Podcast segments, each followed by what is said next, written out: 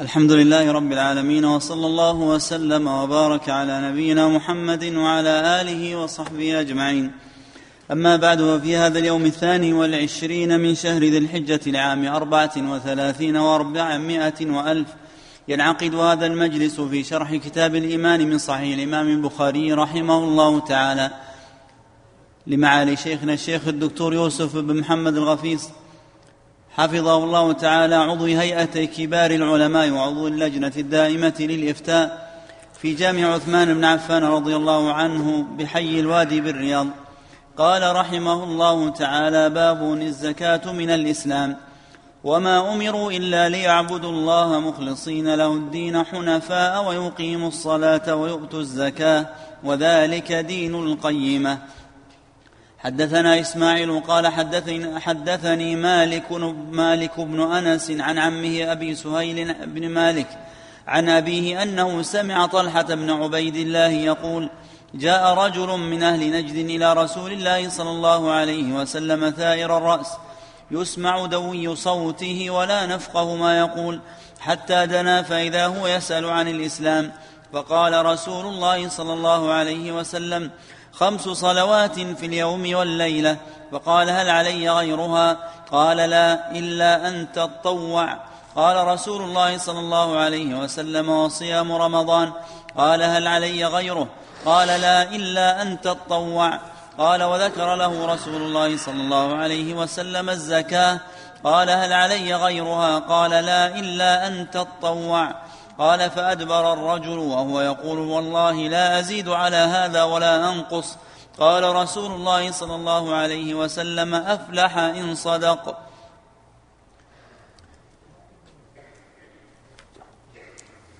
الحمد لله رب العالمين وصلى الله وسلم على عبده ورسوله نبينا محمد وآله وصحبه.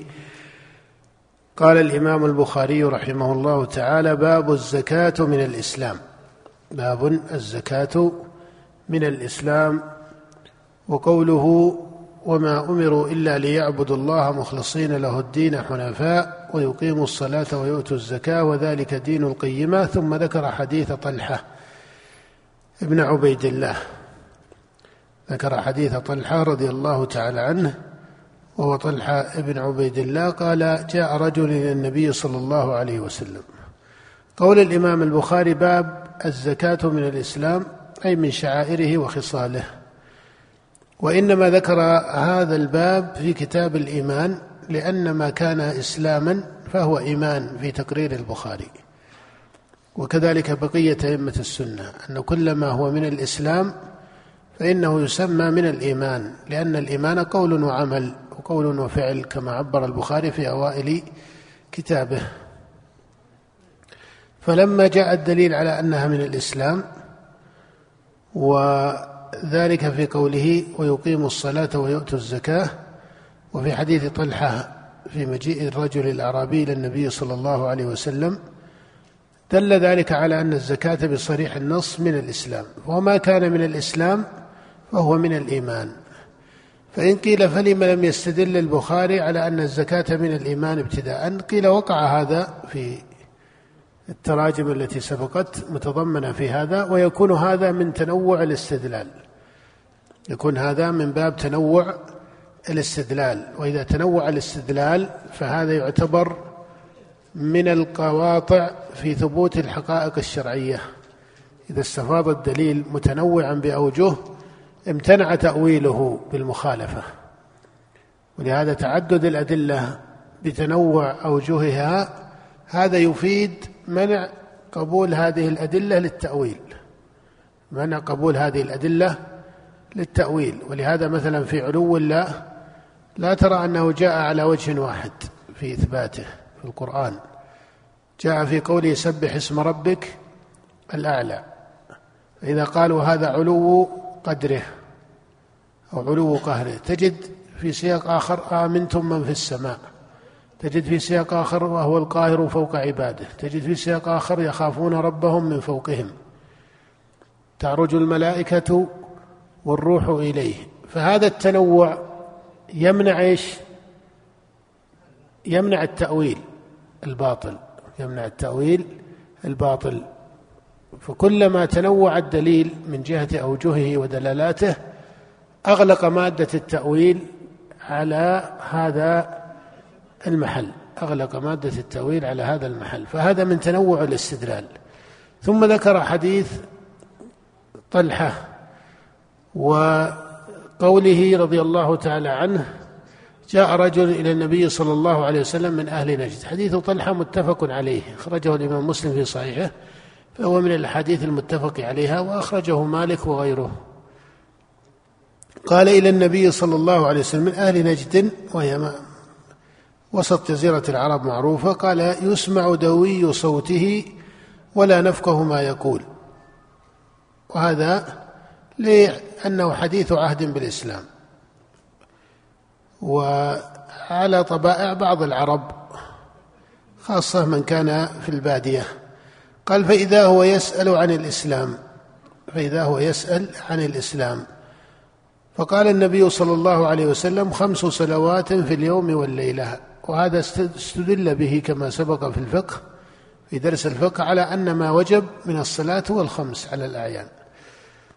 قال هل علي غيرها؟ قال لا إلا أن تتطوع. فدل على أن الفريضة وعلى أن التطوع كل ذلك داخل في الإسلام. فتضمن أن الأعمال الصالحة سواء كانت من الفرائض أو النوافل فإنها داخلة في اسم الإسلام. وما دخل في اسم الإسلام فهو إيمان على ما قرره البخاري وغيره. وهو مذهب أهل السنة بعامة. وهذا هو المقصود في تقرير الإمام البخاري لا أنه يريد الوصول إلى أن اسم الإسلام والإيمان سواء على الإطلاق. إنما يريد أن ما كان إسلاما فهو إيمان. ولهذا هذا التقرير هو الموافق لمنهج بقية الأئمة. وهذا من فقه الإمام البخاري رحمه الله. لأنه أتى في كتابه هذا بتقرير الإيمان فتجد الأبواب يبوب بالإيمان. ولذلك الباب الذي بعده مثلا باب اتباع الجنائز من الإيمان. أيهما أبلغ في الدين؟ اتباع الجنائز ولا أداء الزكاة؟ أيهما أبلغ رتبة؟ اتباع الجنائز ولا أداء الزكاة؟ أداء الزكاة بلا, بلا جدل. بدهي هذا أليس كذلك؟ لماذا هنا قال في الزكاة؟ قال باب الزكاة من الإسلام. وهو في الثانية قال اتباع الجنائز من الإيمان. هو تنوع في الاستدلال كما سبق الإشارة. لا أنه يجعل الزكاة ما اقتضى ثبوته في مسمى الإيمان إلا ما دل عليه من أمر الإسلام. نعم. وعليه فقوله عليه الصلاة والسلام للأعرابي إلا أن تطوع دل على من حيث مسائل أصول الدين دل على أن التطوع يسمى إسلاما وما يسمى إسلاما فهو إيمان وما يسمى إسلاما فهو إيمان. ثم قال له النبي وصيام رمضان. أي ويجب عليك الصيام. قال هل علي غيرها؟ قال لا إلا أن تطوع. وذكر له رسول الله صلى الله عليه وسلم الزكاة وقال هل علي غيرها؟ قال لا إلا أن تطوع. وإنما بين له النبي صلى الله عليه وآله وسلم ما كان من الفرائض الحاضرة والتي قام سببها أو هو مظنة القيام. أو هو مظنة القيام. فالصلاة قد قام سببها فإنها منوطة بالبلوغ والعقل فلا بد له منها. وصيام رمضان كذلك لأنه عبادة في السنة فريضة في كل سنة. وكذلكم الزكاة هي فريضة المال. وما ذكر له الحج في هذه الرواية فهذا أمره ظاهر. وأحيانا بعض المتأخرين رحمهم الله من الشراح ونحوهم يقفون عند بعض المسائل وقوفا مستغربا. لماذا ما ذكر له الحج؟ هذا سؤال ليس له لازم من الأصل. لأن النبي صلى الله عليه وسلم هنا لا يريد أن يعطي الأعرابي كل ما وجب في الدين. حتى لو ذكر له الحج لن يبقى في الإسلام واجبات أخرى. سيبقى واجبات أو لا يبقى؟ سيبقى واجبات. إذا لماذا لم يذكر له وجوب كذا؟ لماذا لم يذكر له وجوب كذا؟ لماذا؟ هذا يتسلسل لأن هذا الرجل ليس هذا أول عهده وآخر عهده بالإسلام. والسائل إنما يجاب بما هو من حاجته أو مظنة حاجته في محل سؤاله. فلما قال له النبي لما قال هل علي غيرها فقال والله لا أزيد على هذا ولا أنقص. هذا من المستغرب أن نقف في الفهم فنقول إن قول الأعرابي والله لا أزيد أو قول هذا الرجل من أهل نجد قوله والله لا أزيد على هذا ولا أنقص وفي رواية مسلم ولا أنقص منه وقول النبي أفلح إن صدق. ما يرد عليه أنه قال لا أزيد فماذا لو ترك بعض الواجبات؟ فماذا لو ترك إيش؟ بعض الواجبات سواء قيل الحج أو قيل إيش؟ أو قيل غيره. هذا لا يتأتى هذا الفهم. ولم يكن الأعرابي يريد أنه ماذا؟ أنه لا يفعل واجبا في الإسلام خلا هذه الواجبات. هذا واضح أن المقصود هنا التمسك بهذه الفرائض وأنه لا يزيد في الصلوات على سبيل الفرض إلا ما قال له النبي. ولذا قالوا والله لا أزيد على هذا أي فريضة من الصلاة. وقد صرح له الشارع أنه لا يجب إلا هذه الخمس وكذلك صيام رمضان. لكنه لا يتبادر هذا المعنى الذي يتكلف في استدعائه ثم يتكلف في الجواب عنه. فالسياق على أصله هو من السياق البين الذي لا يحتمل مثل هذه الإرادات. ثم قال قال النبي صلى الله عليه وسلم أفلح قال رسول الله صلى الله عليه وسلم أفلح إن صدق. وفي رواية في الصحيح أفلح وأبيه إن صدق. وفي رواية في الصحيح دخل الجنة وأبيه إن صدق. أما قوله أفلح إن صدق فهذه رواية ظاهرة في الحكم. وإنما استشكل ما جاء في رواية أفلح وأبيه إن صدق. ف قيل إن هذا يكون من باب اليمين. وقد نهي عن الحلف بالآباء. فلا شك أن هذا ليس من باب اليمين. هذا بلا إشكال أنه ليس من باب ليس من باب اليمين. ويحتمل أن يكون المحفوظ في الرواية أفلح إن صدق فإنها واقعة عين. فإنها واقعة عين. وإن كان الحرف الآخر أو الرواية الأخرى أو الوجه الآخر في الرواية قد جاء في رواية الصحيح. أفلح وأبيه إن صدق. لكن أنت تعلم أن هذه واقعة عين على كل حال. لأن بعضهم جعل المحفوظ أفلح إن صدق.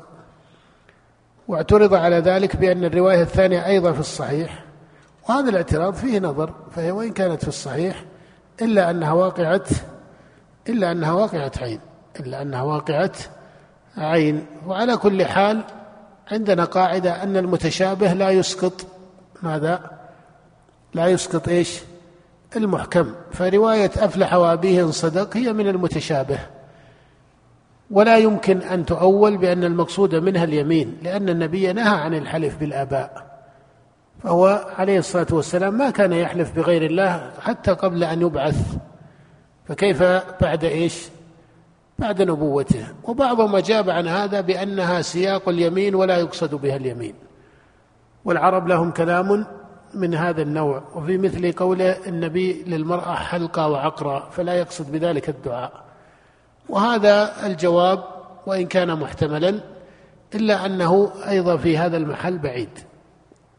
لأن النبي في حق الله سبحانه وتعالى لا يمكن أن يذكر في حق الله بخلاف كلمة حلقة وعقرة فإنها من المعاني العرفية من المعاني العرفية التي ينبه بها على الزجر عن مساوئ الفعل أو عن التقصير في الفعل فهو معنى يفسر بالعرف. بخلاف ما كان في حق الله فلا يتأتى فيه أنه يسوغ ما خالف الشريعة لأنه لا يقصد به كذلك.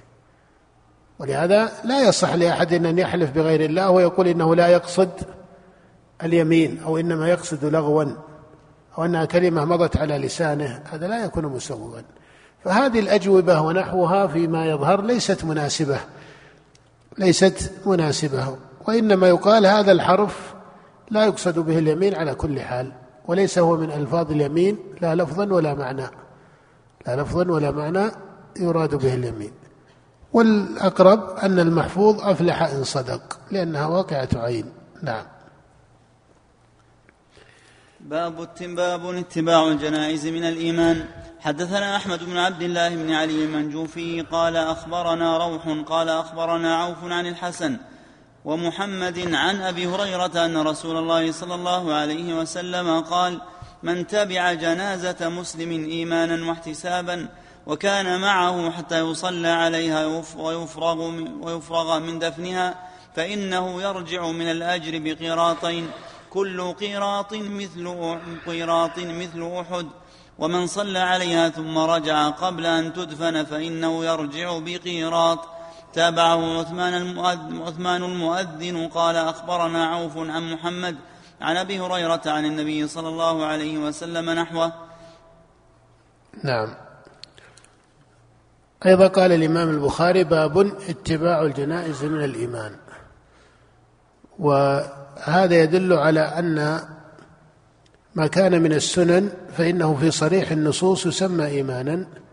فإذا كان هذا في أحاد السنن المستحبة باعتبار تعلقها بسائر الأعيان وإن كان أصل الاتباع للجنائز بعض الفقهاء يجعله من فروض الكفايات لكن لا شك أنه باعتبار جميع المكلفين لا يكون مكلف لا يكون واجبا إنما هو من السنة في حقهم.